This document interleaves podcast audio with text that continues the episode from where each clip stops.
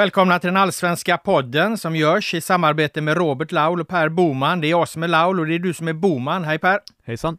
De allsvenska premiärmatcherna är spelade. En lovande men på vissa håll kylslagen omgång ska snart läggas till handlingarna. Men först ska den analyseras här i den allsvenska podden.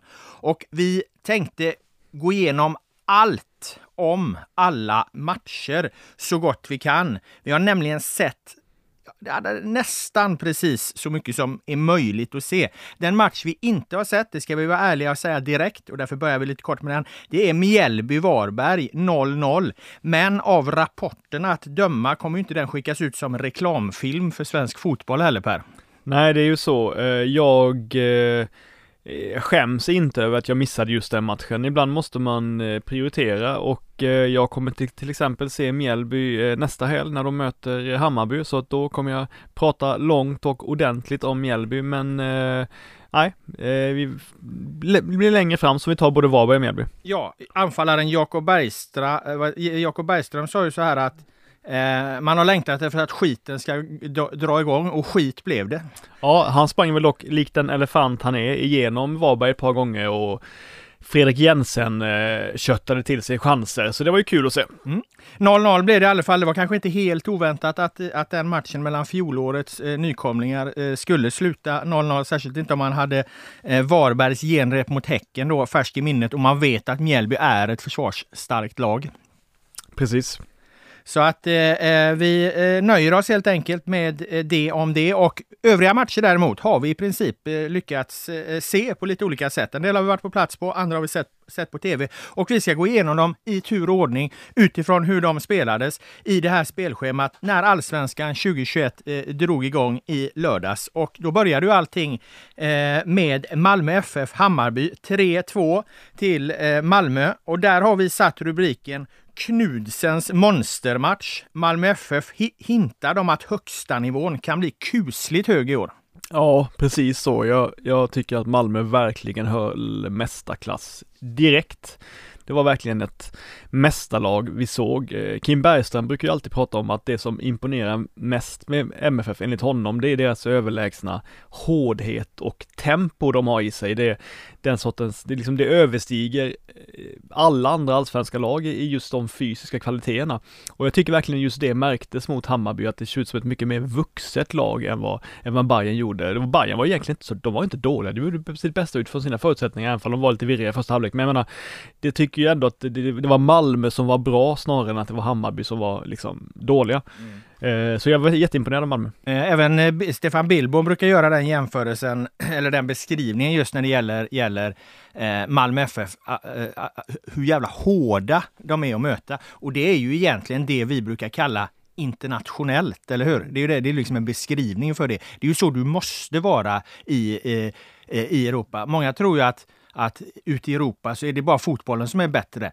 Alltså bollbehandling och de här grejerna. Men det som framför allt är en jätteskillnad, det är ju liksom den, den här hårdheten, fysiken, snabbheten, hur otroligt fort det går. Och där skulle jag säga Malmö FF är väl egentligen, eller är ju egentligen det enda laget som över tid har, har, har haft det här i, i, i modern tid i allsvenskan. Man får backa tillbaka till IFK Göteborg då på 80-90-talet, men det var en annan tid. Men, men på senare år så är det egentligen bara Malmö som har lyckats lyckats hitta den liksom internationella klassen eh, över hela sitt lag. Andra lag kan ju ha det i vissa enskilda beståndedelar, vissa spelare. Malmö kan ha en trupp som är internationellt gångbar. Mm, och det här som de alltid har varit bra på de senaste två, tre åren, det här med att de eh, alltid fyller på med flest spelare i motståndarnas straffområde i varenda anfall. Det är alltid eh, AC, Rex, Ola, Colak, Berget. Alla tar sig i princip alltid in i samband med varje anfall, så jag förstår att det är ett helvete för motståndarna att, att orka med det. Mm. Nu slutar den här matchen då 3-2. Eh, Hammarby gjorde ju första målet. Det brukar vara, vara bra i fotbollsmatcher. Statistiskt vinner du om du gör första målet. Men eh, Malmö FF vände ju på det här då och vinner 3-2 till slut. Kollar man på deras XG då, förväntade mål, så har ju Malmö den absolut högsta siffran eh, av alla lag hela den här omgången. De är uppe på 3,3 XG enligt Instat och eh, eh, Hammarby då ligger på 0,46. Då kan man säga att Hammarby var ju djävulskt effektiva som, som eh, trycker in två bollar på, på ett XG på 0,46 Medan eh, Malmö FF hade ett högt eh, XG, men gör ju också Tre mål. De dominerar bollinnehavet. De har en bättre passningsprocent. De vinner duellerna som vi var inne på. De har 23-5 i avslut, varav 8-3 på mål. Om man tittar på, på, på Instats indexsiffror, snittsiffror, så har de 284 mot 236. Så de är alltså bättre på allting man kan mäta. Så att den här matchen är ju egentligen eh, mer ojämn än vad resultatet säger. Segern eh, kunde, borde varit kanske större för eh, Malmö FF. Och det som absolut mest sticker ut i den här statistiken vilket kanske inte så många plockar upp, det är ju Jonas Knudsen då, eh, Malmö FFs eh, eh, vänsterback. Han avgör ju matchen, så han fick ju rubrikerna på det då eftersom han kliver fram där i, vad är det, 89 och ja. skickar in en jävligt fin volley va. Men, men han har alltså en, en indexsiffra här på 400. Jag förstår att det inte säger någonting för för lyssnarna. Men normalt ligger allsvenska spelare i de här eh, måtten då mellan 150 och 350. Jag har aldrig sett en siffra på 400. Alltså jag, jag höll på att ramla av min stol. Vad fan 400? Jag tänkte det är fel, är det hackat liksom? Det är ju någon rysk jävla historia där inställt. Jag tänkte, var de hackat sig själva här nu ryssarna? Eller vad, vad är det frågan om? 400, det är enormt högt liksom. Sen gick jag in och tittade, detaljstuderade då Knudsens monstermatch här. Och han, alltså, han har 100 på, på en rad grejer, dueller, liksom. han vinner allt. Och så tittar jag igenom lite klipp och så, vad fan, han, han vann ju allting. Alltså han förlorade ju en duell. Han var helt enorm. Det här har gått lite under radarn. Men ändå är jag lite tveksam. Alltså hur i helvete kunde det bli så här högt? Alltså inte ens Anders Christiansen, han har varit som bäst, gjort tre mål i någon match, kommer upp i 400. Det är enorma siffror. Ja, men jag känner mig ganska glad över det, för jag har ju alltid varit en av försvararna av eh, Jonas Knutsen. Det är många som har eh, konsekvent pekat ut honom som den svaga länken i Malmö, men jag tycker han har varit eh, i grunden 3 plus nästan alltid liksom. Och jag tror att han får högt på Instat också mycket på grund av hans, att hans inkast alltid leder till mer eller mindre halvfarliga lägen, dessa konkreta chanser. Eh, i ganska hög utsträckning. Jag funderade också på det och tänkte hur, hur kategoriserar de ett jävla inkast? Alltså det måste vara en keypass tänker jag. Han mm. hade en keypass då, så jag vet ja. inte hur många inkast som ledde till till öppnande målchanser. Men, men det är klart, den värderas ju högt. Sen var han ju som sagt 100% i allt annat. Gör ett mål och sen avgör ju det matchen. Men det väger ju inte instat in huruvida målet är avgörande eller inte. Det tror jag inte i alla fall. Men, men men eh, nej, och jag tänkte på det, vi dömde ut hela vänsterbackspositionen mm. förra veckan i den här podden, så att, så att det finns fan inga bra vänsterbackar. Då hade vi i och för sig med Knutsen som exempel på de som faktiskt är bra. Men han kanske lyssnade på detta, tog det personligt och tänkte nu måste jag rycka ut till försvar här för, för, för vänsterbackspositionen, för det är ta fan en stark position i allsvenskan, kanske Knutsen tycker. Nu har vi skickat ut vår vän och kollega Johan Flink på fältet här för att, för att göra en intervju med Knudsen och, och verkligen bryta ner de här siffrorna i detalj och se vad han själv säger. Liksom. Kände han att det, eh, att det här var, var, var en så bra match. För jag menar om han kommer leverera på, på, på den här eh, nivån, va? Då, jag menar han lirar i Real Madrid snart. Alltså, man, nej, men om han fortsätter att ligga på 400 så är inte han kvar i Allsvenskan länge, det kan jag garantera. Eh, eh, några andra saker jag noterade, som jag när jag kollade på matchen, bara några snabba saker, det var att eh, precis som alla andra var jag jätteimponerad av Colak eh, med hans eh, liksom maniska vilja att göra mål, hans djupledsspel, hans targetspel. Han var, han var liksom, han var en åtta på det mesta. Eh, men det var någonting som var kul, det var att han var ju Wilton Figueiredo-mässig i sin då, eh, i sin liksom skottvilja. Han sköt ju fan på allt mannen. Han sköt på, fan, på precis allt och det gjorde ju, Wilton gjorde det första året i Malmö och brände allt. Jag tror dock Colak kommer sätta mer. Eh, nummer två, Bonke Innocent. Eh, efter den här ganska billiga varningen han fick i början, tycker jag var en hård varning, så var jag mycket imponerad av hur tufft nigerianen vågade spela trots den varningen. Han var inte vårdslös men ganska ofta på gränsen sen ändå, så han lyckades bidra med den här nödvändiga fysiken mot de tre innermittfältarna i Hammarby och spela ganska hårt trots att han hade gult kort. Jag tycker, jag vet inte, det var någonting i det som att den här avvägningen i hans spel som jag imponerades av. För där ska man tänka på att Abbe Khalili på Bayerns mittfält gör ju en väldigt bra match ja. eh, eh, i, i, flera delar då. Så att eh, Bonk Innocents jobb är väldigt viktigt där. Och, ehm, det, det, jag tänkte på med, med Malmö FF och det du nämner om, om Colak där, är, är ju att han sköt på allt.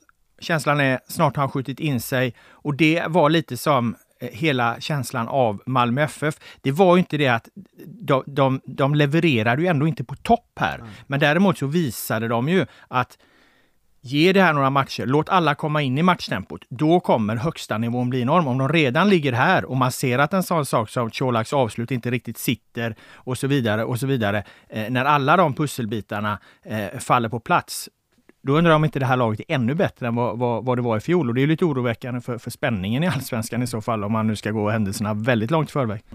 Eh, finns det något relevant att säga om, om Hammarby här? Jag drog ju lite siffror där. De var ju alltså, eh, de var ju alltså inte i närheten, även om de då var i närheten eh, rent målmässigt.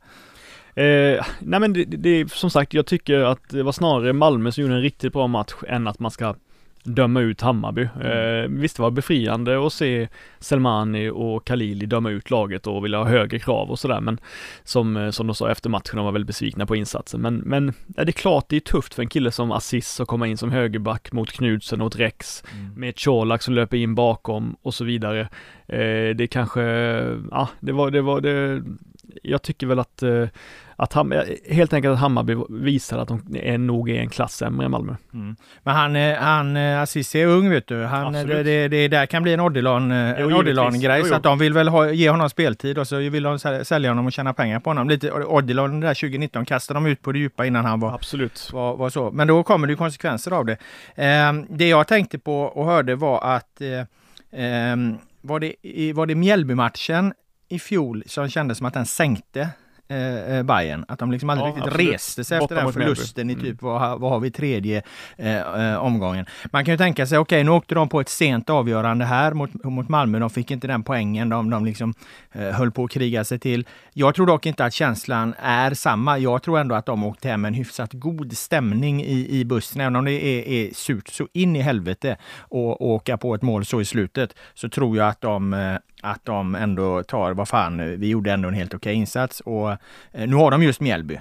Nu vet de det att för, för, för, för i fjol va, då, då var det mot det här jävla laget som vi liksom klappade igenom.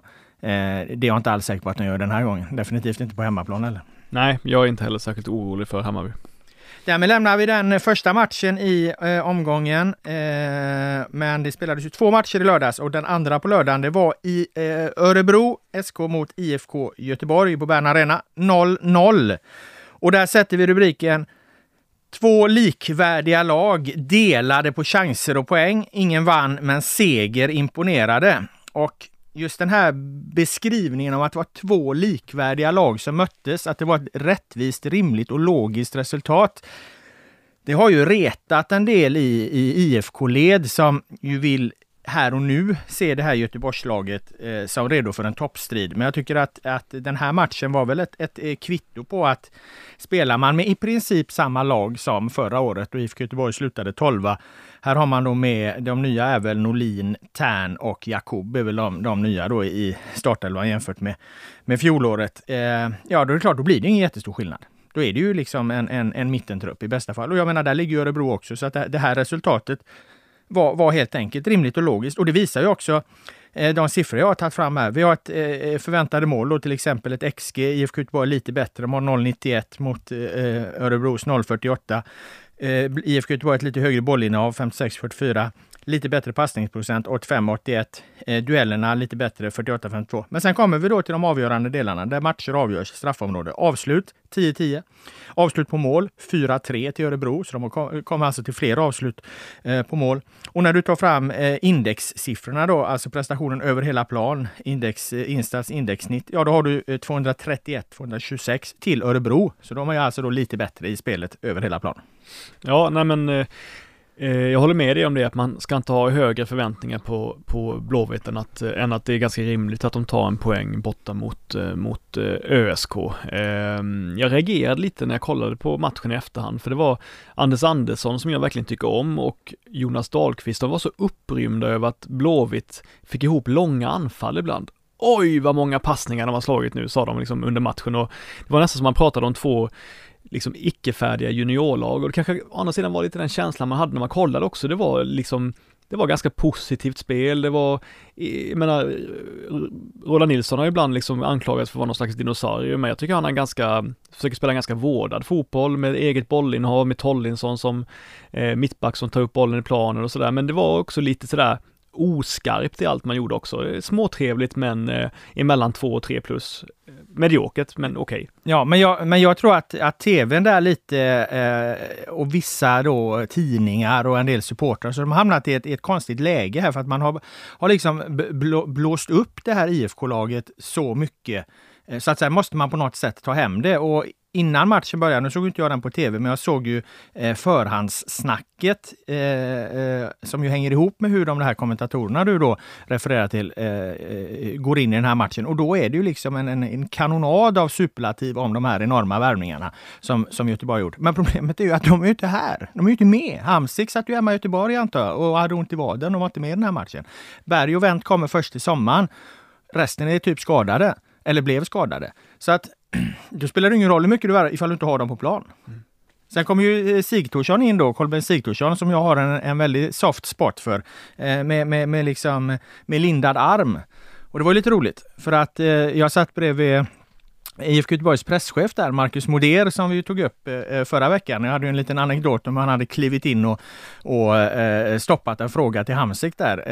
Där tog han för övrigt upp Moder och sa att han hade fått reaktioner från vänner och, och, och så. Och man frågade vad fan snackar hittar Laul på nu igen? Snackar han skit nu den där Laul igen? Nej, nej, jag kan garantera varenda ord var sant som Moder. Så att så är det med det. Men sen så hade han ju en utläggning om, om eh, Sigthorssons gips då. Och det var lite konstigt för han försökte liksom, han sa men det, det är ett gips och det, det är hårt men det är mjukt liksom. Äh, glöm det, don't quote me on that. Liksom. Alltså, han kunde inte förklara vad fan det här var för ett konstigt jävla gips som Sigthorsson sprang in med. Men sen såg vi en intervju i GP med Sigthorsson där han skulle berätta om det här gipset och då visade det sig att det är tydligen då ett Sigthorsson citat. Det är ett stenhårt gips, men det är mjukt. Ja. Alltså ett gips, alltså själva poängen med ett gips är väl fan att det ska vara hårt, det ska hålla saker och ting på plats. Att säga att gips är hårt, men det är mjukt, det är som att det här är vatten, men det är torrt. Ja, nej, men jag har aldrig hört det mer liksom tydliga självmotsägelser eller så här oxymoron som man säger. Det här är ju eh, totalt orimligt. Eller så har, har han upp, upp liksom hittat något nytt lag i fysiken på något sätt, eh, Kolbein. Eh, vet du vad jag reagerade på i matchen? Nej. Det var när jag läste din krönika och då såg jag att eh, det var kul ju att eh, ÖSK hade, hade supportrar på, på plats och givetvis roligt att, eh, att, de, eh, att det var livat i viss mån. Men du sa också att ramsan alla, alla går på SOS i Degerfors eh, rullade över, över arenan. Och då kände jag så här, fan vad jag ser fram emot det kommande klasskriget i derbyt mellan de här då eh, de här då småborgarna i Örebro mot eh, proletärerna i Degerfors längre fram, för det där kan de inte ta. Jag vill ju ha, nu vill jag ha liksom en rejäl jävla eh, klassstrid mellan Degerfors och ÖSK framöver. Du vet, du vet vad jag skrev först eller? Jag, jag, hörde ju inte vad de sjöng, eller jag hörde ju, trodde ju att jag hörde vad de sjöng. Så jag skrev ju alla går på koks i Degerfors. och sen fick jag på Twitter, var det någon som skrev till mig med glimten i ögat, vad fan hör du dåligt eller? Det var inte det vi sjöng, vi sjöng alla går på SOS i Degerfors, inte på koks. Men jag, så att jag fick ju ändra det här i texten snabbt då, att alla går på SOS i Degerfors, det ska ju vara det. Ja men det är ju ganska vanligt i England det, att liksom Londonlagen sjunger så om eh, lagen från norra England och sådär, men jag vet inte fan, jag, jag, vet inte, det kände, jag har aldrig tyckt så illa om ÖSK som jag kände just då faktiskt i det läget, så att som, som sagt, jag hoppas att det blir en riktig jävla batalj sen i derbyt. Eh, men David Seger kan du inte tyckt illa om väl? För jag tycker att eh, eh Örebros ytter då, han kan användas på båda kanterna och, och användes ju till och med lite som, som släpande anfallare när de forcerar eller när de ville, ville framåt mot slutet mot Blåvitt. Jag tycker alltid han gör något bra med bollen nästan. Mm. Ja, eh, det är klart han som alla andra kan tappa den och så, men det finns alltid en bra tanke. Jag är faktiskt väldigt imponerad av honom. Jag tycker han klart överglänste eh, Dennis Kolander, den store talangen, även om jag är imponerad av Kolander som kliver in på centralt mittfält tillsammans med Johan Mårtensson. De är två stycken mot IFK Göteborgs tre. Eh, Blåvitt har ju, har ju alltså här då eh, Tern Erlingmark eh, Yusuf, bra central, centrala fotbollsspelare. Eh, men, men Kolander och Mårtensson står ändå upp där. Mårtensson gör ett jättejobb givetvis, men Kolander är 18 år. Han tar kriget ur kampen där inne. Ser lite valpig ut ibland, men klarar det. Så poäng till, till Axel Kjell som vågar satsa på det, managern. Men framför framförallt så, så vart jag imponerad av, av Seger, även om Mårtensson hade högre siffror i Instat. Ja men Seger har ju alltid den här som du säger ettriga konstruktiva sidan i sig, att han är modig på det viset, att han vågar göra någonting och det, man får, jag menar ibland är man ju, men man får ge ÖSK det att de konsekvent nu har försökt spela in eh, egna unga produkter för att kunna sälja dem vidare sen med Jake Larsson, med Seger, med, eh, med Kolander och också ett helt gäng mittbackar som aldrig riktigt har slått igenom sådär fullt ut. Så att eh, det är väl, man kan väl inte kräva mer än så eh, av ÖSK i, i vad gäller att få fram egna killar. Nej, och man kan inte kräva så mycket mer av oss heller att vi ska analysera den här matchen så mycket noggrannare, för den slutar ju trots allt 0-0. Mm. Det var en jämn fotbollsmatch mellan två likvärdiga lag som vi sa. Det jag skulle säga om Sigthorsson innan jag svävar iväg om hans gips där, är att jag fortfarande har inte gett upp på honom. Jag tycker han, han, han är så fin i löpningen passningarna han tar liksom. Hans mottagningar blir bättre och bättre. Jag tror fortfarande på att det kan bli något där alltså. Nu, nu spelar han med ett jävla liksom mjukt gips då, va? Då, då känns det som att det kan vara vad som helst ända. Nej, men jag, jag, det, det, finns något där. Jag hoppas verkligen att han, att han får liksom en tid, sammanhängande tid här nu och, och hitta tillbaka. Han lirar ju för fan i landslaget fortfarande.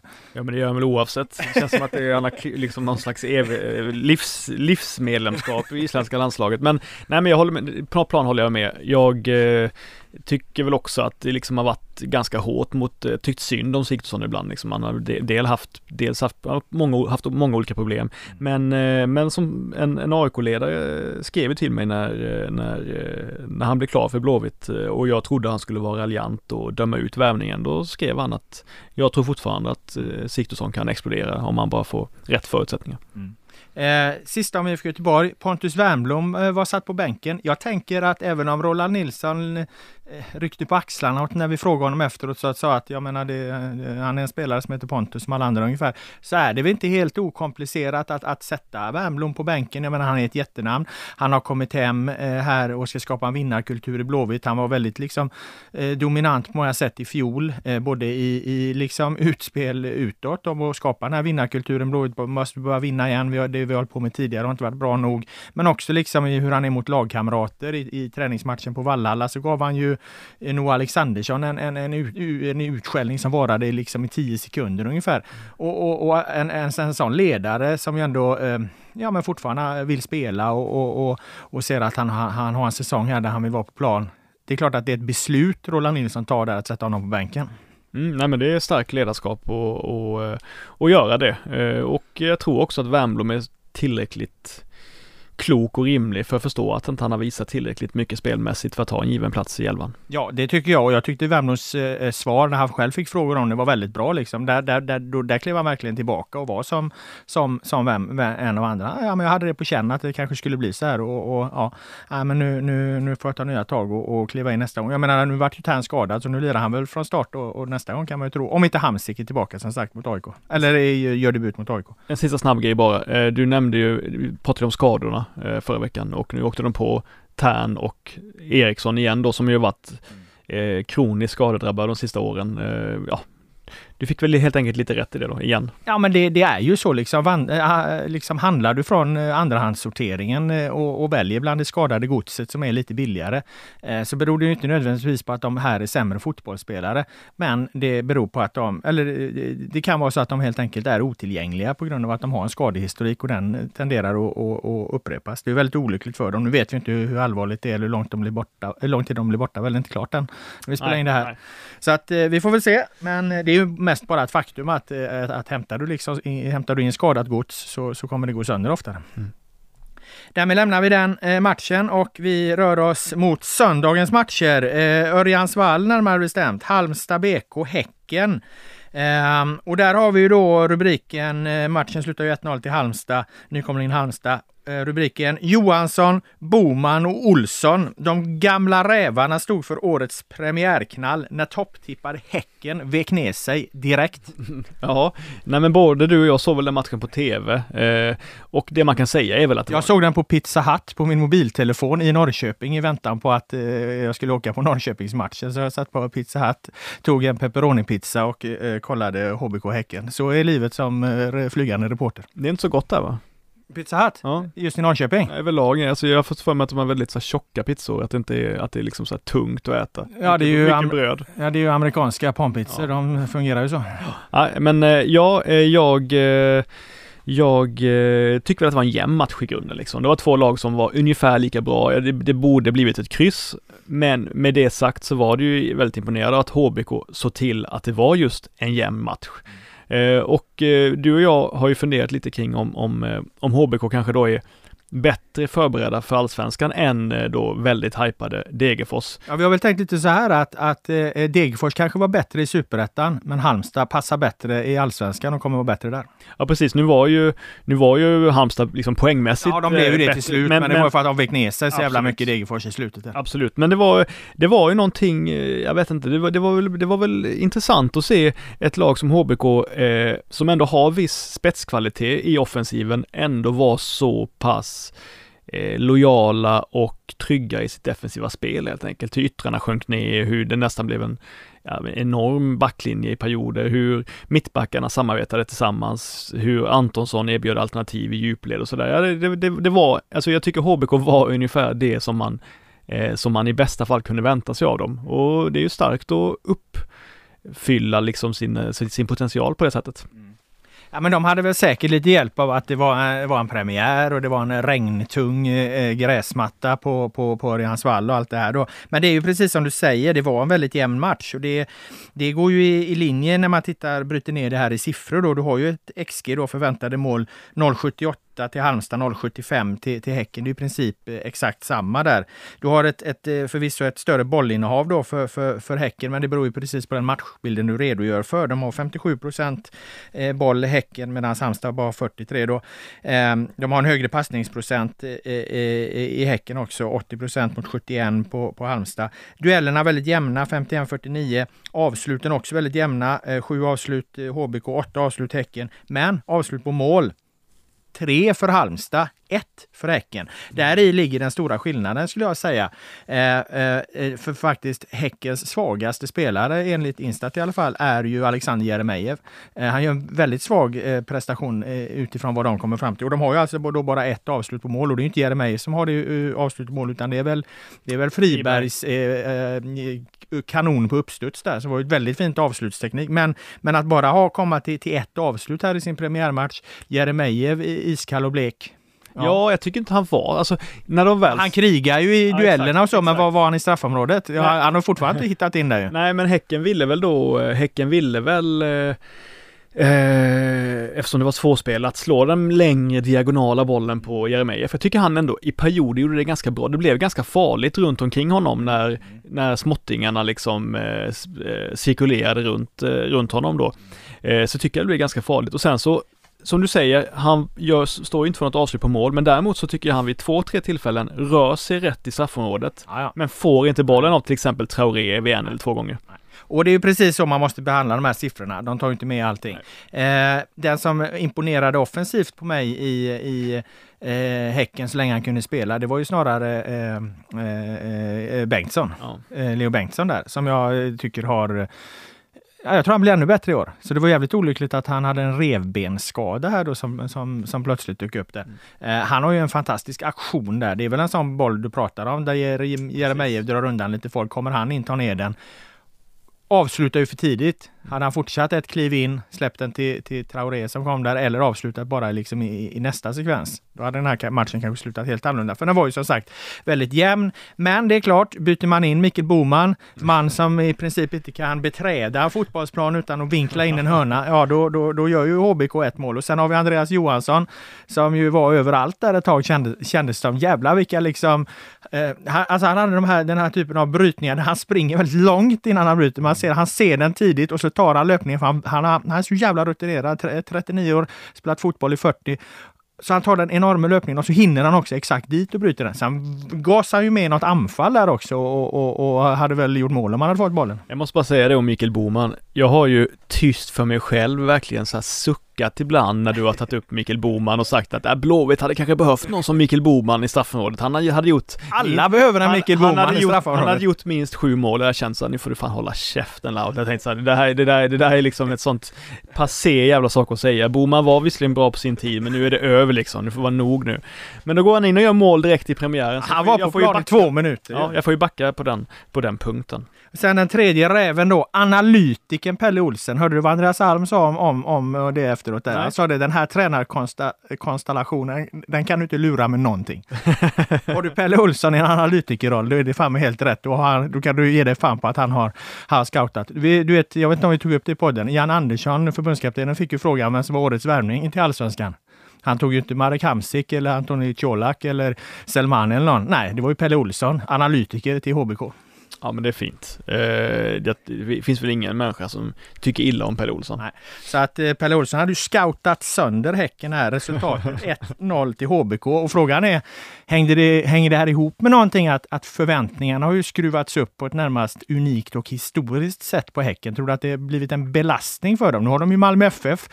Nu har de ju Malmö FF hemma här i i eh, nästa omgång redan Häcken. Och jag menar, förlorar de där, då är de sex poäng efter. Vi sa det förra gången att vi får inte prata om måste-matcher här längre, men statistiskt så har du liksom ett, ett sånt underläge och, och aldrig någonsin hämtats upp i allsvenskans historia. Jag säger inte att det är en måste-match, jag säger statistiskt så har det aldrig, så skulle ett sånt, eh, sånt avstånd aldrig hämtats upp med två raka förluster.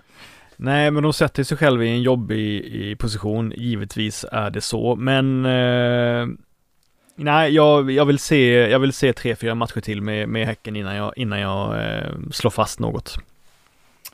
Det känns ju dock som säsongens säkraste tvåa på Bravida Arena eh, efter den här premiärhelgen. Det får man ändå säga. Det trodde man kanske inte innan. Det, är är konstgräs dock och det brukar Malmö FF inte gilla, så vi, vi får väl se. Um, vi lämnar den matchen. Det var ju fler matcher på eh, söndagen där som sagt. En var IFK Norrköping-Sirius. Eh, den slutade 1-1 och rubriken där är att Sirius snodde en eh, välförtjänt poäng av Norrköping i snöstormen. Men Norrköpings problem är inte defensiven, det är offensiven. Det är ju någonting som eh, låter spontant konstigt då. När man har pratat om Norrköping hela försäsongen så är det ju att de har en, eh, en ny defensiv där de sent fick in rätt alltså Skolason till vänster. De fick inte riktigt ihop exakt hur mittbacks, de tre mittbackarna, vilka som ska spela och så vidare och så vidare, vem som ska vara wingback till höger och sådär. man, man känner sig osäkerhet kring, kring Norrköpings backlinje. Men du menar då att det är Adegbenro, Levi, Haksabanovic, de här nästan fem plus-spelarna allihopa som är bekymret? Absolut, och jag tror att fler kommer att hålla med om den ju längre det här lider. Eh, jag har ju sett tre tävlingsmatcher med Norrköping på plats, eh, vilket gjort att jag har en bra bild av dem. Jag såg IFK, cupmatchen mot IFK Göteborg 1-1, såg kvartsfinalen i cupen mot Häcken 2-3 och jag såg nu då Sirius 1-1. Och i varje match har det sett ut på exakt samma sak. Norrköping tar sig fint fram till eh, offensivt straffområde, eh, har möjlighet att anfalla i fart, komma till ett avslut som det kanske inte är hundraprocentigt perfekt avslutsläge. Istället vänder de om. Eh, eh Haksabanovic gör det. Han vänder om. Han eh, står liksom och kladdar lite med bollen, väntar, låter motståndaren samla sig och spelar bak, spelar runt, håller på. Adegbenro gillar också mest att jobba eh, felvänd och Levi lite likadan. Han vill gärna gå in i banan och komma med, komma, eh, lägga upp för, för, för ett avslut. Alltså, det här är otroligt skickliga fotbollsspelare, alla de här tre. Det är, och det är klart att de här kommer göra sina mål. Norrköping kommer ta sina poäng. Eh, de kommer göra vackra mål och så vidare. Men i en, i en, i en kontext där vi talar om att Norrköping ska vinna allsvenskan, där de ska liksom utmana Malmö, Djurgården, Hammarby, Häcken, AIK, eh, och, och, och, och, jag tar en Europaplats eller till och med vinna allsvenskan som sagt, då kommer det här bli ett problem. Att de någonstans känner sig överlägsna, får jag känslan av. Ungefär som man lirar på skolgården och tänker att man är lite bättre. Ah, vi, vi, jag behöver liksom inte, jag behöver inte jag behöver inte desperat kasta mig efter det här avslutet, för jag vet att det kommer, snart kommer det dyka upp ett bättre läge. Men det som i praktiken händer, det är att, att de låter motståndarna samla sig. Och då blir det mycket svårare. Då är det, svåra, då är det svårt för Messi att, att göra mål mot ett, eh, kanske inte Messi, men det är svårt även för Haksabanovic att göra mål mot ett samlat försvar. Den här tesen skrev jag i en krönika och sen kom faktan. Och den talar ju sitt absolut tydliga språk att det är inte det är inte defensiven som är Norrköpings problem. Lyssna här nu. Eh, XG eh, i den här matchen är 0,6 eh, för Norrköping, 0,5 för Sirius. Jättejämnt. Jättelågt XG, alltså det är ju knappt några chanser liksom. Bollinnehavet 50-50. Eh, passningsprocenten 85-87 procent för Sirius, 85 för Norrköping, också väldigt lika. Duellerna 51-49 till Norrköping. Jättejämnt. Avsluten 11-10. Otroligt jämnt. Avslut på mål hur många har Norrköping? Två avslut på mål. Sirius har tre. Eh, och så indexsiffrorna 243, 237, också jättejämnt. Så att du hör ju, det är en otroligt jämn äh, fotbollsmatch.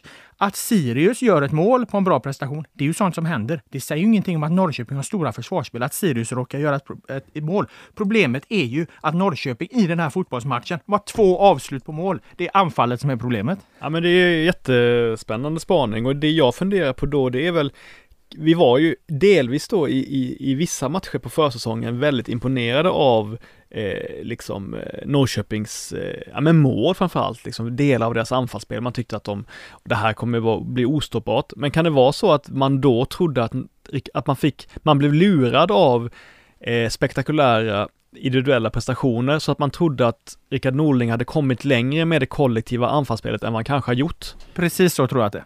Mm. Och då blir det ju, och då funderar jag kring att det är ju så att de här tre anfallsspelarna har ju inte så jättemycket understöd alltid, särskilt inte när Isak Bergman Johannesson inte spelar, när wingbacksen, viss skola som är jättebra, han, han, är jättebra, det kommer bli jättebra. Eh, men överlag så, så, så, hänger mycket på att de här tre ska göra någonting. Eh, finns liksom de kollektiva linjerna i anfallsspelet? Nej, jag tror inte det. Och, och eh, eh eller de kanske kommer, eller, eh, men, men problemet är sagt att de stannar upp där. Och Norling sa ju det på presskonferensen. Eh, vi ska berätta lite om den här presskonferensen som var på den här matchen, för den är också intressant. Men där sa ju Norling i alla fall att, att det var väl eh, målvaktstränaren Elvendal där, sa han, som hade kommit in i omklädningsrummet och sagt att ja, men om det här var för 20-25 år sedan, då hade vi liksom skickat upp bollen på två anfallare och sen hade vi krigat om, om andra bollar. Men de här spelarna, de vill ju inte spela så. De vill ju liksom passa kort och de vill liksom kladda på bollen och de vill lira och, och, och så här. Alltså det, det sitter ju någonstans i de här spelarna. Det är ju så de är, de här spelarna.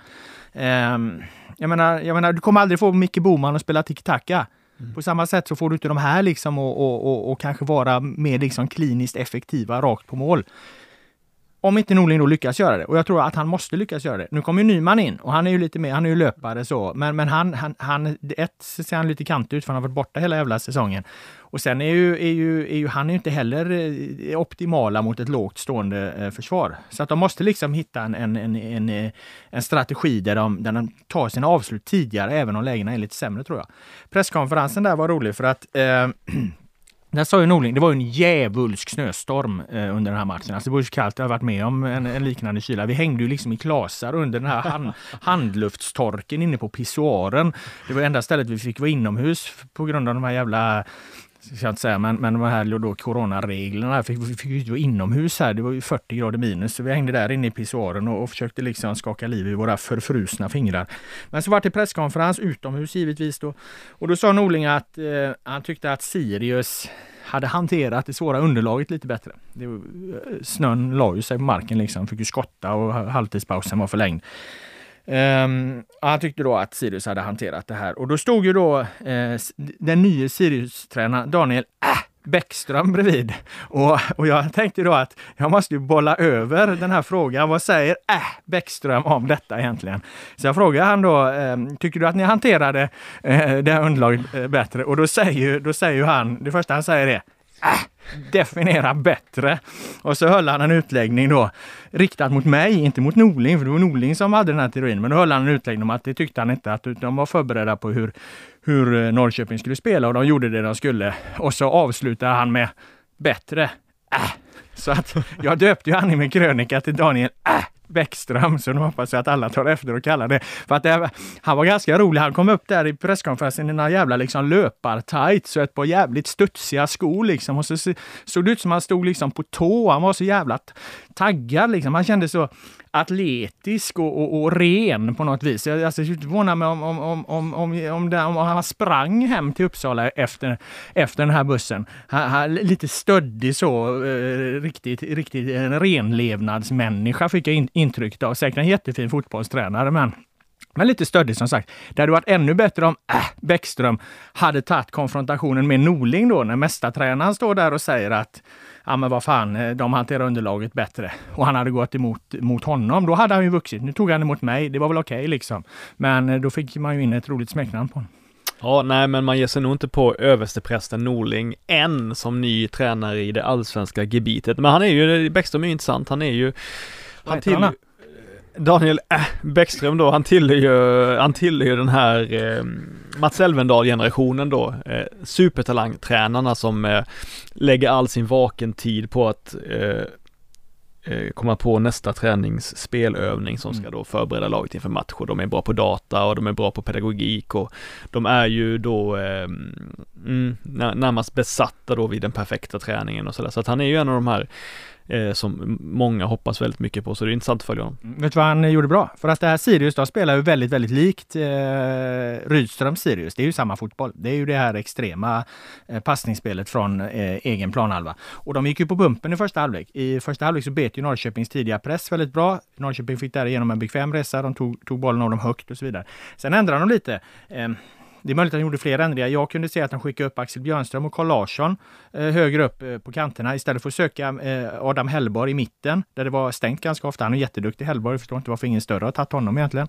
Men eh, eh, ja, så, så, så liksom böljade de spelet mer och då, då, då, liksom, då, tog de, då hängde inte Norrköpings press med och så fick de upp den eh, längs kanten istället och därigenom ta sig in i mitten. Så att, så att de, man manövrerar ju ut eh, eh Norrköpings press på det sättet. Och, så att det gjorde han ju bra, Bäckström, då, om det nu var så att det var det han gjorde och det var det han såg i paus och det var den förändringen han gjorde. Nej men angående Hellborg, det är ju, det är ju Rydströms hemlige son i princip. Han tog upp honom från Kalmar till Uppsala och tryckte in honom i det här laget. Liksom, han, ska, han ska bli en allsvensk spelare och jag tycker också han är bra, men jag tyckte också att han, han är ju så fin med bollen så ibland tyckte jag förra året att han överkompenserade i försvarsspelet. Han vill visa att han, jag kan också spela försvarsspel på ett tufft och fränt sätt, men jag tycker väldigt ofta han gick över gränsen, spelade ganska fult, kom in fel i dueller och sådär, så att kan han, kan han slipa bort mm. det, den överambitionen så tror jag han blir bra. Men det känns ju lite som detaljer när han har allt det där andra liksom. Att, att, att han liksom i ett, ett, ett bålgetingbo vet exakt hur han ska vända upp, tar in den bekväm, eh, sällan stressad liksom. Mm. Eh, ska jag säga om det var någon som fick problem med det här underlaget eh, som led av det, då var det väl, då var det väl han skulle jag säga som, mm. som, som hade en del problem med det. Tvärt vad Norling sa då. Men som sagt, 1-1 slutade den eh, matchen. Det blir intressant att följa både Sirius och Norrköping, framförallt Norrköping här då nästa match mot, mot Djurgården. Eh, du ska jobba på den matchen. Du får se om min spaning där kring att de bromsar upp anfallen ehm, eh, stämmer det i den matchen också. Kanske blir det att eh, när de möter ett Djurgården då, som vi kommer in, på eh, strax här, att de får lite mer ytor där för att Djurgården måste trycka på framåt på sin hemmaplan och så vidare. det får vi se. Det blev en radioövergång till nästa match nämligen på denna söndag. Den spelades ju i Borås jämförelsevis i ett sensommarväder eh, jämfört med den snöstormen som drog över Norrköping. Där satt du Per Boman och såg Elfsborg-Djurgården och rubriken där blir Försäsongsmästarna Djurgården skrämde toppkonkurrenterna mot starkt men uddlöst Elfsborg. Ja, jag tycker väl kanske inte att de skrämde toppkonkurrenterna, men mm. jag tyckte att Djurgården stod för en helgjuten insats på ett sätt. Och på det, då menar jag inte att de var särskilt mycket bättre än Elfsborg, för då var de inte. Djurgården var Eh, det bättre laget första tio ungefär, då tyckte jag att de eh, hjälpte en sån som Niklas Bergkrot. Niklas Bergkrot var, liksom, var, var bättre än Chilufya på sin kant tyckte jag. Jag tycker Bergkrot, hade ett övertag mot Johan Larsson medan Chilufya blev helt stängd av eh, eh slagskämpen Simon Strand. Den underskattade Simon Strand. Eh, och nu fanns det folk som fyllde på, det fanns möjligheter med inspel. Två, tre gånger hittade Bergkrot rätt, det blir ett mål, även fall det är ett Själva målet i sig är ju lite mer slump, det är ett inlägg på bortre, ett väldigt bra avslut av Aslak från Vittry. Men ett fint anfall. Sen tar ju Elfsborg över ganska kraft, kraftigt. De har ett bra pressspel eh, med de tre offensiva spelarna. Och så tycker jag att det defensivt balanserade innerfältet med Gojani, Römer, eh, Holst, att de eh, i viss mån köttar ner Djurgården samtidigt som Ockels och eh, då Alm och Frick sätter jävligt fin press på, på Djurgårdens backlinje. Det gör att, eh, att Elfsborg vinner tillbaka bollen i många bra lägen och kommer då till eh, där man kan skada Djurgården ibland bakom deras ytterbackar. Kommer till jättemycket fina inspel, bra inlägg. Men där försvarar sig Djurgården helt okej. Okay. Elfsborg har lite otur. Det borde kanske stått 1-1 i paus. Eh, sen så är det ju det här tidiga målet, andra halvlek när Chilufya, eh, när Elfsborg tappar boll, eh, Kalle Holmberg serverar Chilufya där Okomo som var fem plus med bollen, eh, höll topp fem-ligaklass i det spelet, eh, i, i, hur han bryter igenom linjerna, uppspelen, ja, det som alla vet att han är fantastisk på, men som kan vara kanske lite arrogant i försvarsspelet. Han tog inte djup mot Chilufya, han gick inte upp utan han försökte liksom på något sätt hålla någon halvhög och eh, ställa offside-linje som straffade sig när Chilufya sprang in 2-0 då. Och efter det, det som var det som imponerade mig på Djurgården, inte att de spelade jättefin fotboll eller att de var perfekta på något sätt, utan sättet de stängde matchen då mot Elfsborg. När de bytte in Jesper Lövgren, går ner på fembackslinje och totalt döda matchen med en halvtimme kvar. Det var bra, stabilt gjort tyckte jag. Mm. Lag som tydligt kan förändra sig under matcher utifrån matchbilder, resultat och så vidare är ju alltid eh, imponerande och har en tendens att vara framgångsrika. Och där vet vi ju att eh, Kim och Tolle, Djurgårdens tränare, eh, bevisligen är skickliga på, på, på, bland annat de delarna. De är också skickliga på att snabbt få ihop ett, eh, eh, ett lag när det har varit stor rörelse i truppen. Det måste man ju säga. Djurgården är ju ett av de lagen som har värvat absolut flest spelare. Det är väl de och, och IFK Göteborg eh, som har, har gjort flest eh, nyförvärv egentligen. Och det är klart att Djurgården har ju kommit klart längre i, i sitt bygge. Sen har de värvat bättre spelare för de har mer pengar och så vidare. Och det är ju det som ytterst styr. Men det är också skickligt att så snabbt eh, som de har fått har fått ihop laget så bra. bra. Mm. Eh, och dessutom då inte bara fått ihop det utan liksom även utvecklade då under eh, eh, redan under resans gång på ett eh, närmast färdigt sätt. Då.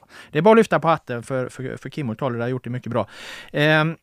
När du säger att det var en jämn fotbollsmatch så går det ju i linje med siffrorna här. Om man tittar på de förväntade målen så är de högre för Elfsborg, till och med 0-7 mot 0-4. Återigen låga XG-siffror så det var ju inte mycket målchanser i den här matchen.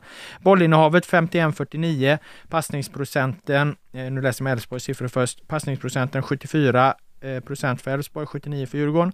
Duellerna däremot sticker ut. Mm.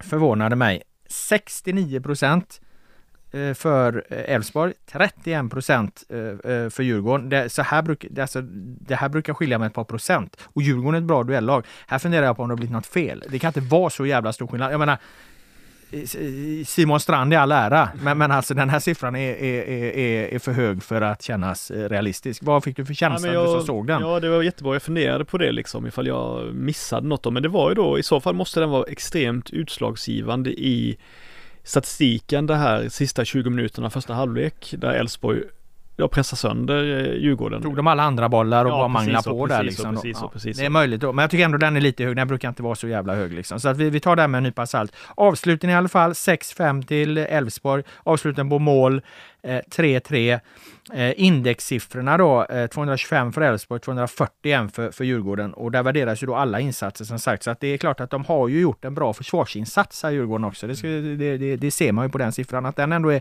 indexsnittsiffran är tydligt högre på Djurgården visar ju att de har, har, har, har gjort en bra fotbollsmatch. Precis som Hammarby gjorde en bra fotbollsmatch defensivt mot Djurgården i den här cupmatchen som vi diskuterade förra veckan. Och det förvånar ju inte heller kanske då att just Elfsborg får svårt Dels mot ett bra defensivt lag som också går ner på fembackslinje i andra halvlek när de ska, när de ska anfalla mot ett lågt sittande lag. Elfsborg är ju som alla vet ett jättebra kontringslag, men de har givetvis större problem när de ska nysta upp en motståndare. Det behöver inte vara svårare än så kanske heller. Nej.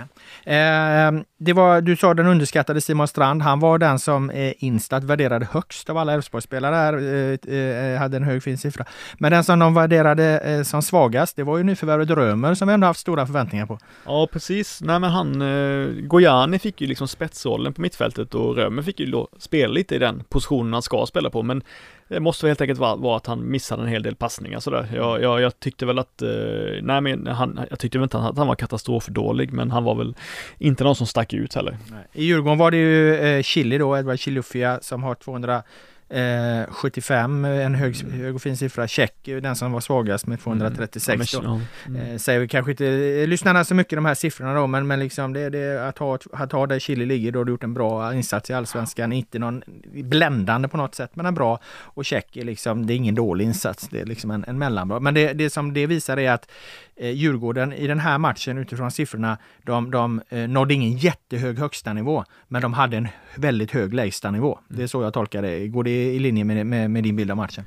Absolut, och Hjalmar Ekdal tycker jag var väldigt bra i Djurgården. Jag har varit lite tveksam till honom, inte för att jag misstror honom, bara att jag tror kanske inte han är så bra som, som liksom vissa har byggt upp det som. Jag tänkte att han i bästa fall kan vara en 3 plus-spelare i Djurgården, men han gjorde en väldigt stark defensiv insats. Eh, sen tänkte jag på det med Okomo, som ju har de här kanske 7-8 otroliga uppspel i svåra lägen tycker inte riktigt att Elfsborg utnyttjade det så mycket heller. Jag tyckte de skapade kanske farligast chanser när de bröt bollen högt upp snarare med pressspelet och gick på ett tidigt inlägg eller liksom lyckades anfalla mot ett desorganiserat Djurgården. Däremot så kanske tycker jag kanske inte att de fick ut tillräckligt mycket av av Okomos fina passningsspel. Kanske för att en sån som Simon Olsson saknades. Kanske för att Johan Larsson inte hade en av sina bättre matcher i offensiven.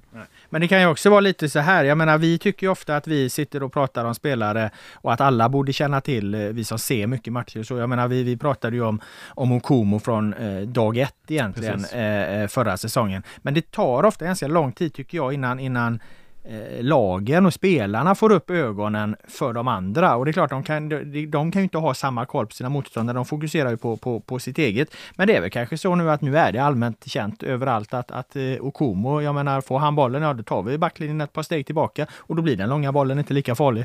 Mm. Eh, nu, nu sitter det liksom i ryggraden på alla motståndare, för nu har det tjatats liksom ett år om den här Okomo, hans fantastiska eh, eh, uppspel. Och nu vet man att nu kommer de här projektilerna, ja då, är, då, då, då blir man lite lägre och, och blir man lite lägre som backlinje, ja då kommer de inte få lika mycket nytta av det. Då måste de ha ett annat vapen. Och att falla mot ett, mot ett Elfsborg utan Simon Olsson, det är inte lika farligt för att det du händer när du faller, ja, det är att du, du lämnar en större yta för att spela, spela dig fram där. Ursäkta. Men eh, har de inte Olsson, eh, Simon Olsson, ja då är de ju svagare på det. Och inte heller Jesper Karlssons X-faktor där han kan Exakt. nysta upp ett lag med ett långskott eller liknande. Elfsborg är bra på det, att parera eh, när luckor uppstår, spelare försvinner. De har varit väldigt bra. Någonstans finns ju en smärtgräns. Försvinner är Simon Olsson också borta nu och man räknar till då att, att eh, Heltner Nilsen har försvunnit, att Jesper Karlsson har försvunnit och så vidare. Eh, ja, då är det klart, förr eller senare bör, börjar det ju kännas. Eh, det, det, det, går ju inte i evighet att, att hela tiden ersätta med lika bra spelare. Eller det, det går, men då ställs det verkligen krov på manager eh, Tillin och eh, klubbdirektör Andreasson. Eh, sammanfattningsvis om Elfsborg känner jag lite att den här bilden man har haft att okej, okay, det var en konstig säsong i fjol. Att de kom tvåa var inte riktigt normalt. Det är logiskt att de faller ett par placeringar och att de nu då förlorar mot ett Djurgården som har en större kassa, eh, har fått ihop det här nya laget väldigt snabbt. Det är egentligen inte så konstigt utan, utan Elfsborg kommer tappa ett par placeringar i år. Det är väl den utgångspunkten vi kan ha. Ja, alltså ja, man kan, man, det är väl den lilla trenden man kan se just nu. Ja. Då lämnar vi Elfsborg-Djurgården, eh, går från Borås till Kalmar. Eh, Kalmar FF Östersund, eh, fotbollsmatch som föga förvånande slutade 0-0. Eh, i en match som kan rubriksättas med Rydströms Kalmar rakare än väntat. Azraf Jans ÖFK bytte skepnad under matchens gång. Och den här matchen har du inte sett eh, Boman antar jag, nej, eftersom nej. du var på eh, Friends och kollade på AIK samtidigt. Jag såg den dock på eh, TV och eh, några snabba grejer man kan säga är ju att eh, Kalmar FF, och det här är ju egentligen helt sjukt, de har alltså inte vunnit på Guldfågeln i Allsvenskan sedan eh, i maj 2019. Alltså det har ju blivit en förbannelse den här jävla arenan för dem. Dels så, så, så kostar det massa pengar och nu kan ju inte ens vinna på den. Visst, de vann den här kvalmatchen mot J Södra eh, i höstas där, men det var ju en, en, en kvalmatch mot ett superettanlag. Men de har alltså inte vunnit på snart två år på sin egen hemmaplan. En oerhörd belastning. Eh, de här lagen, Kalmar och Östersund, det var de lagen som gjorde minst antal mål i Allsvenskan förra året. Östersund gjorde 27, Kalmar gjorde 30. Eh, inte särskilt mycket i den här matchen talar för att de här lagen kommer göra särskilt många fler mål. Eh, däremot så är det intressant då för att det är ju ett helt annat Kalmar såklart. Mm. Eh, det är när eh, Kalmar tidigare tog sig upp mot straffområdet med, med längre bollar så gör man ju det nu under Rydström eh, med kortare passningar och fler passningar. Men inte det där extremt, det är inte, det är alltså inte Sirius-spelet där, inte på långa vägar. Utan det här är rakare, Kommer man i tidsnöd, ja då slår man ändå väck den. Inget liksom rensningsförbud, inga sådana grejer. Det går lite snabbare än vad jag trodde. Spelade faktiskt ganska trevligt. Eh, eh, mycket energi och så här i början och det är klart, det är ju en premiär. Eh, men som jag sa till Hugo när vi satt här liksom innan vi spelade in podden så sa jag att om jag ska åka till Göteborg, det spelar ingen roll om jag tar tåget eller flyget dit. Huvudsaken är ju vad jag gör i Göteborg. Mm. Och lite så är det med Kalmar. Om de med den lång, längre bollen tog sig mot straffområdet under Nanne och nu med fler passningar tar sig mot straffområdet eh, under Rydström så händer det lik förbannat inte så mycket i straffområdet. Så att där har ju ännu inte särskilt mycket hänt. Defensivt ja, såg helt okej okay ut med Douglas Bergqvist och den gamle eh, Sätra, Lars Sätra. Jag menar, han är ju, han är ju apropå tåg som ett tåg eh, när han ska vända sig om. Men han är rutinerad, han står rätt liksom. Han är ganska klok och, och så här. Så att det är klart att i ett lag som Kalmar så gör han nytta. Eh, så att, så att det funkar väl helt okej. Okay. Men, men återigen alltså, de, de, de, de ser bättre ut på sättet de tar sig upp till, till straffområdet. Men det ger dem inte särskilt många fler utgångspunkter i närheten av straffområdet om du förstår. Där mm. tar det ofta stopp. Mm. Nej men det är klart att eh, ham, eh, Kalmar hade väl behövt få ett lite mer positivt resultat eh, eh mot då eh, extremt bottentippade ÖFK. Det ja, ska var... du vinna någon jävla match mm. va, så är det väl hemma mot ÖFK. Precis. Och sen då är ju ÖFK lite såklart lite underskattade givetvis för att de har de kan ju organisera en bra defensiv, de är jobbiga att möta, det är ett ärligt lag som eh, eh Kim Bergstrand hade sagt. Men, men, eh, men jag, jag var nyfiken på Oliver Berg som varit så hyllad, han startade inte? Nej, han var på bänken, eh, men sen blev, vart Jonathan Ring skadad ganska tidigt och då kom ju Oliver Berg in och eh, alltså man ser ju att det här är en, en fin fotbollsspelare, men han är alldeles för väck. Han är alldeles, väger alldeles för lätt. Eh, alltså det, vad heter han, Puzzo eh, i vänsterbacken där i, ja, eh, i, ÖFK. Han tryckte undan han så att han åkte ut från arenan mer eller mindre och, och utan att ens behöva ta i. Så att jag, jag tyckte att Oliver Berg vägde väldigt lätt, i alla fall mot Östersund där. Mm. Um, uh, bra i Kalmar var Piotr Johansson skulle jag säga. Det har, du varit inne på Boman. Eh, den spaningen eh, får godkänt för att han var väldigt genombrottsstark och fin eh, på sin högerkant som vinge i Rydströms 3-4-3.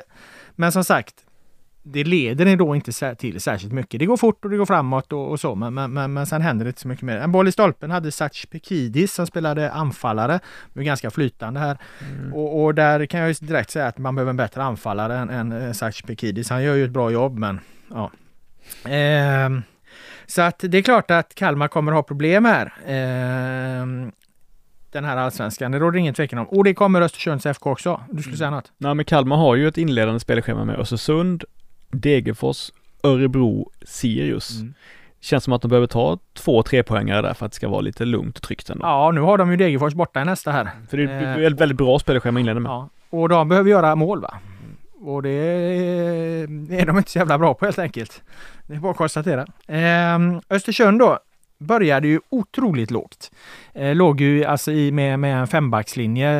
Eh, och den fembackslinjen, eller den trebackslinjen då centrala där med, med med Haugan, eh, Sonko Sundberg, Mokibi. Alltså det, den är ju rejäl. Mm. Det går inte att säga något om att det där är ju liksom tre bra allsvenska eh, mittbackar framför eh, Ali Keita i målet. Så att det är ju robust. Mm. Eh, men de låg väldigt lågt. De fick väldigt långt eh, till målet och hade ju i princip ingenting i första halvlek. De kom ingen vart. Alltså vann de bollen så, så var de halva halva egen planhalva och, och därifrån så var vi liksom inte i närheten att få upp bollen till Blair Turgott och, och och så där uppe. Uh, andra halvlek helt annorlunda. Då klev de mycket högre. Mm. Satte en helt annan press på Kalmar. Och det tyckte jag uh, gjorde att matchbilden jämnade ut sig. Då fick Kalmar genast större problem. När, när, när då Östersund, som inte är, absolut inte är det bästa laget på, på pressa, spela det, det här tidiga pressspelet.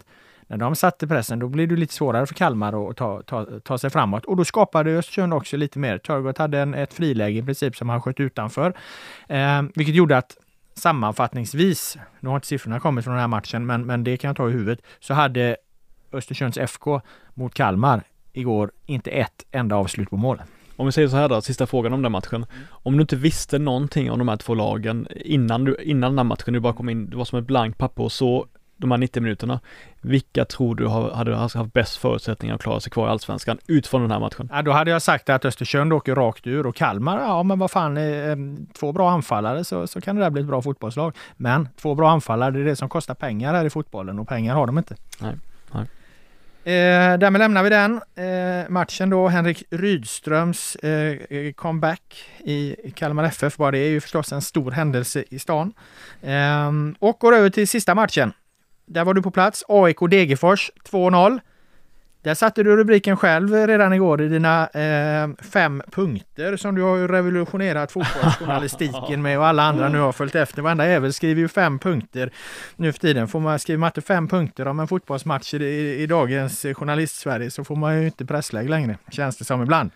Riv era tips! AIK är bättre än sjua skrev du i alla fall ungefär. Mm. Sen noterade jag att du gjorde ett knäck då eh, med Alexander Milosevic bland annat som sågade det här experttipset, det här samlade experttipset då från allsvenska upptaktsträffen där AIK tippades sjua. Och då undrar jag, vad fan blir det här en grej för helt plötsligt? Nej men eh, ska jag, eh, först och främst så, så skrev jag inte så att riv era tips utan jag skrev, men du är bra på att vinkla saker som en bra kvällstidningsreporter, men jag skrev att Eh, Eh, för mig hade det varit tydligt och det har vi ju gått igenom med djupanalys och liknande att AIK har 5 plus backlinje, de har en 5 plus mittfältare och i övrigt så var det inför säsongen en stark 3 plus prägel på allt annat egentligen. Eh, men är det nu så att spelarna runt omkring de backlinjen och Sebastian Larsson, är det nu så att de är kanske lite bättre än 3 plus? Stefanelli har ju redan visat att han är en Eh, just nu en 4 plus-spelare. Och om även Nabil Bahoui som var ifrågasatt överpresterar sett till förutsättningarna, om Saku Ylätupa fortsätter vara lika bra i allsvenskan som på försäsongen, om Bill Hussein slutar vara en försäsongsspelare och också visar sig vara en, en, en, en, eh, en, en, en spelare som kan leverera kontinuerligt i allsvenskan, ja då får man ju eh, över tid eh, höja breddspelarna runt om stjärnorna. Eh, och då har AIK plötsligt ett mycket bättre lag än vad man trodde. Men det visste man inte på förhand. Men i matchen mot Degerfors så tycker jag att alla de spelarna runt omkring då, även då Radulovic, överpresterade sett till vad jag trodde om dem. Därför, eh, om det fortsätter, ja då, då måste man definitivt driva sina tips kring AIK. Mm. Men eh, Milosevic, han dundrade ju mot det här kan man säga. Ja, men jag ska, jag ska säga det också. Ja, du frågade var, var, varför, det, varför det började han fick ju fråga om det, så att det, det är ju journalisterna själva då, eh, dels i tv och vi efteråt som ställde frågor om det. Så att eh, eh ja, ja, det är inte så att Milosevic stormade ut i mixade zonen och frågade vem fan det är som har satt eh, eh AIK 7 utan han fick fråga om det och det sa han själv. Jag bryr mig inte egentligen om det här, men om jag får fråga om det, då svarar jag på det. Okay. Ungefär så. Så att eh, eh vill nyansera bilden av eh, Milosevic som en tipsgalen då liksom. Ja, men för att jag tänker lite kring det då innan vi går in på matchen, så jag bara säga något om det med tipsen där. Det var, var ju tänkt både i riktning Per Boman och Milosevic då, men då kanske ni är lite, lite friare då. Men alltså, är det någon skillnad egentligen, tänker jag, på, på, på, på de här liksom tipsen inom topp 8 då? Men jag menar alltså utöver Malmö FF så skulle jag säga att topp 8 det är en total tombola. Jag skrev det i min krönika också, det är ja. en total tombola. Ja, det finns ingen människa på det här jordklotet som kan säga något annat än att ja,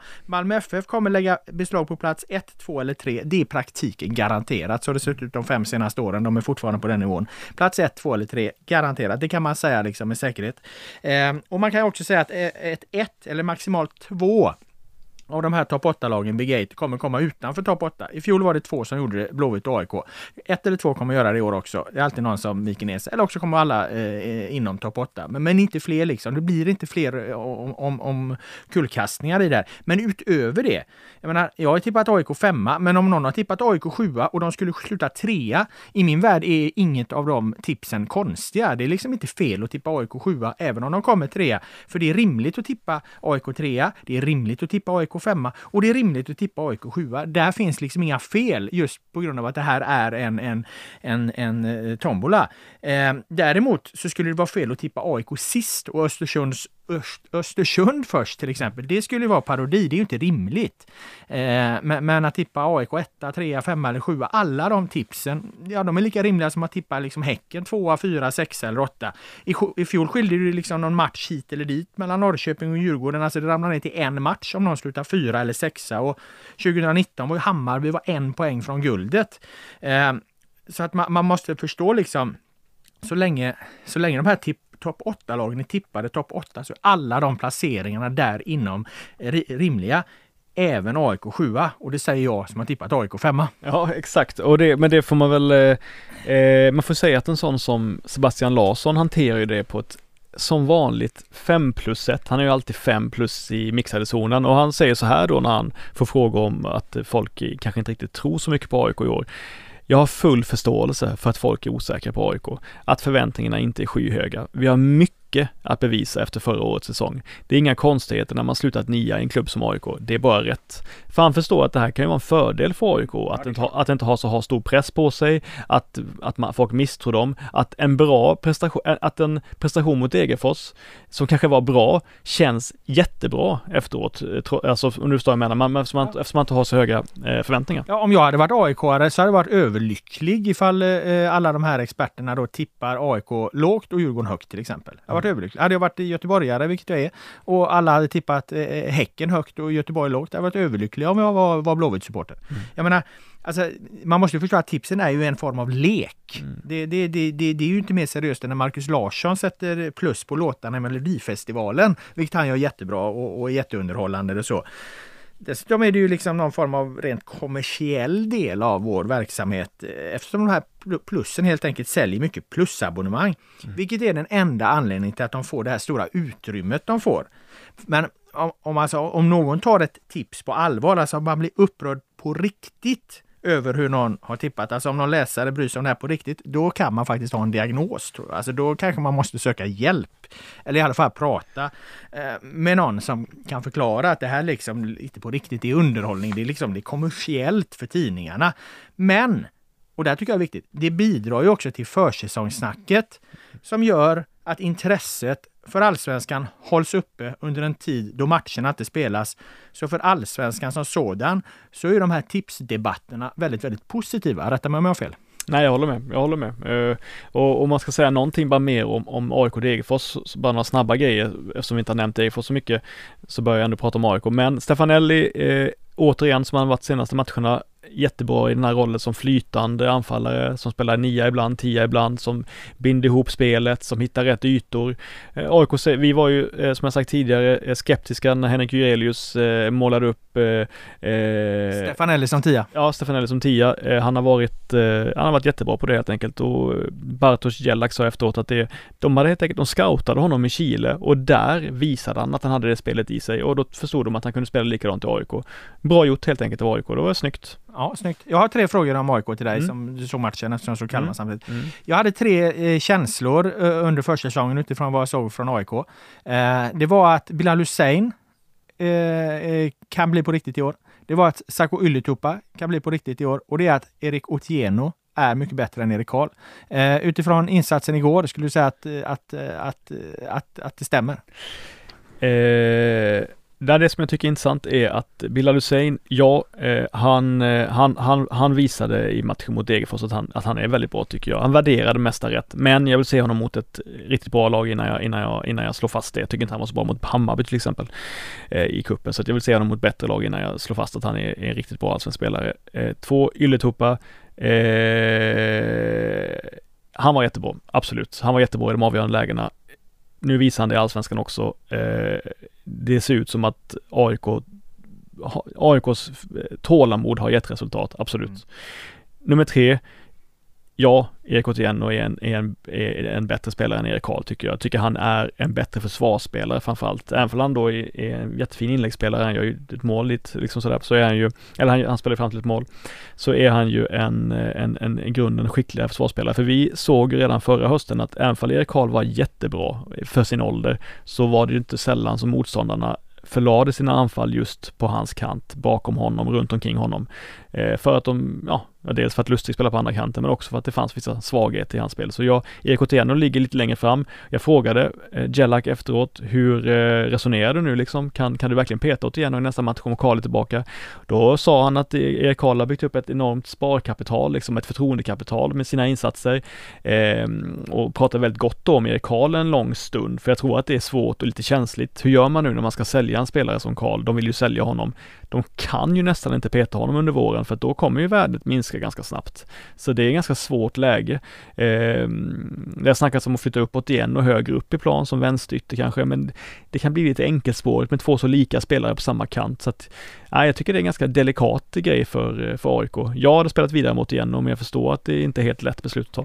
Nej, men jag tänker att, att Jellak måste spela bästa laget liksom. Det mm. kommer bli konstigt intern eh, hierarkiskt annars ifall det är för mycket andra överväganden som, som styr. Det är klart att man som i bayern fallet där med assist kan, kan lira honom när man när eh, Simon Sandberg ska ordinarie skade, eh, högerback är skadad och du har Rodic och han att välja på. Då, då kan ju en sån, sån spela in. Men om det är en ren konkurrenssituation där båda är friska, då tänker jag att då måste nog Jellak eh, för, för, för att ja, men visa mot spelarna spelartruppen att i det här laget så spelar de bästa liksom. Och då eh, kan jag inte komma till någon annan slutsats att Otieno är en bättre fotbollsspelare än Erik Karl. Dessutom tror jag att den här liksom idén som folk verkar ha om att Erik Karl ska bli så enormt eh, stor försäljning eh, för, för AIK. Jag tror inte riktigt på den. Jag tror inte han, han, kommer, han kommer inte gå för så stora pengar.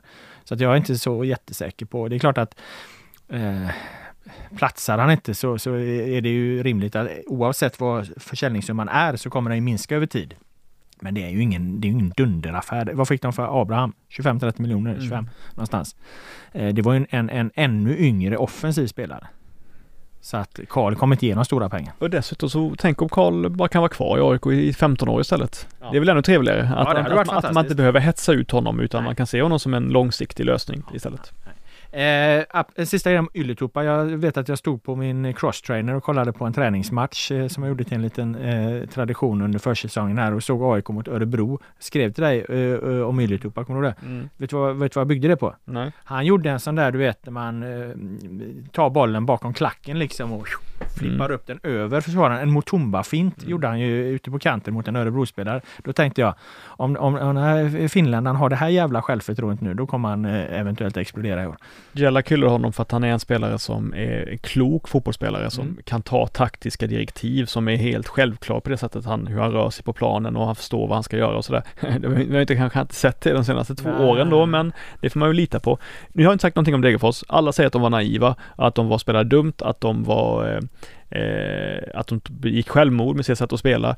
Jag vill inte gå så långt. Jag tycker nog att AIK snarare var oväntat bra i sitt pressspel och att mm. det störde ett, ett, ett ganska yrvaket Degerfors som kanske inte var van vid den intensiteten riktigt. Men jag, man, vi får ge några matcher innan vi, liksom, innan vi dömer ut deras riskabla passningsspel. Jag tror också att om ett nykomling som eh, för en kvart sedan eh, hade en omsättning på 18 miljoner möter ett AIK som haft en omsättning uppåt 200 miljoner.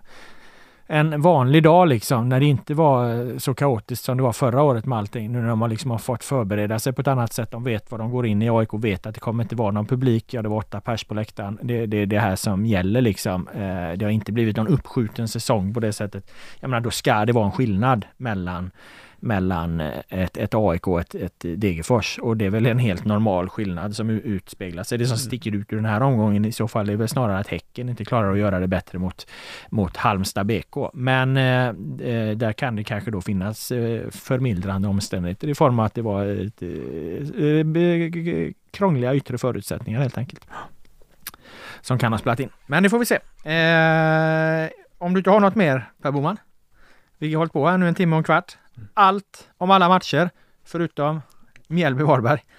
Eh, så tackar jag dig för att du kom hit med dina eh, kloka synpunkter och åsikter. Jag tackar alla som har lyssnat. Eh, den allsvenska podden är tillbaka nästa vecka. Nu blir det The Village Stompers med Washington Square.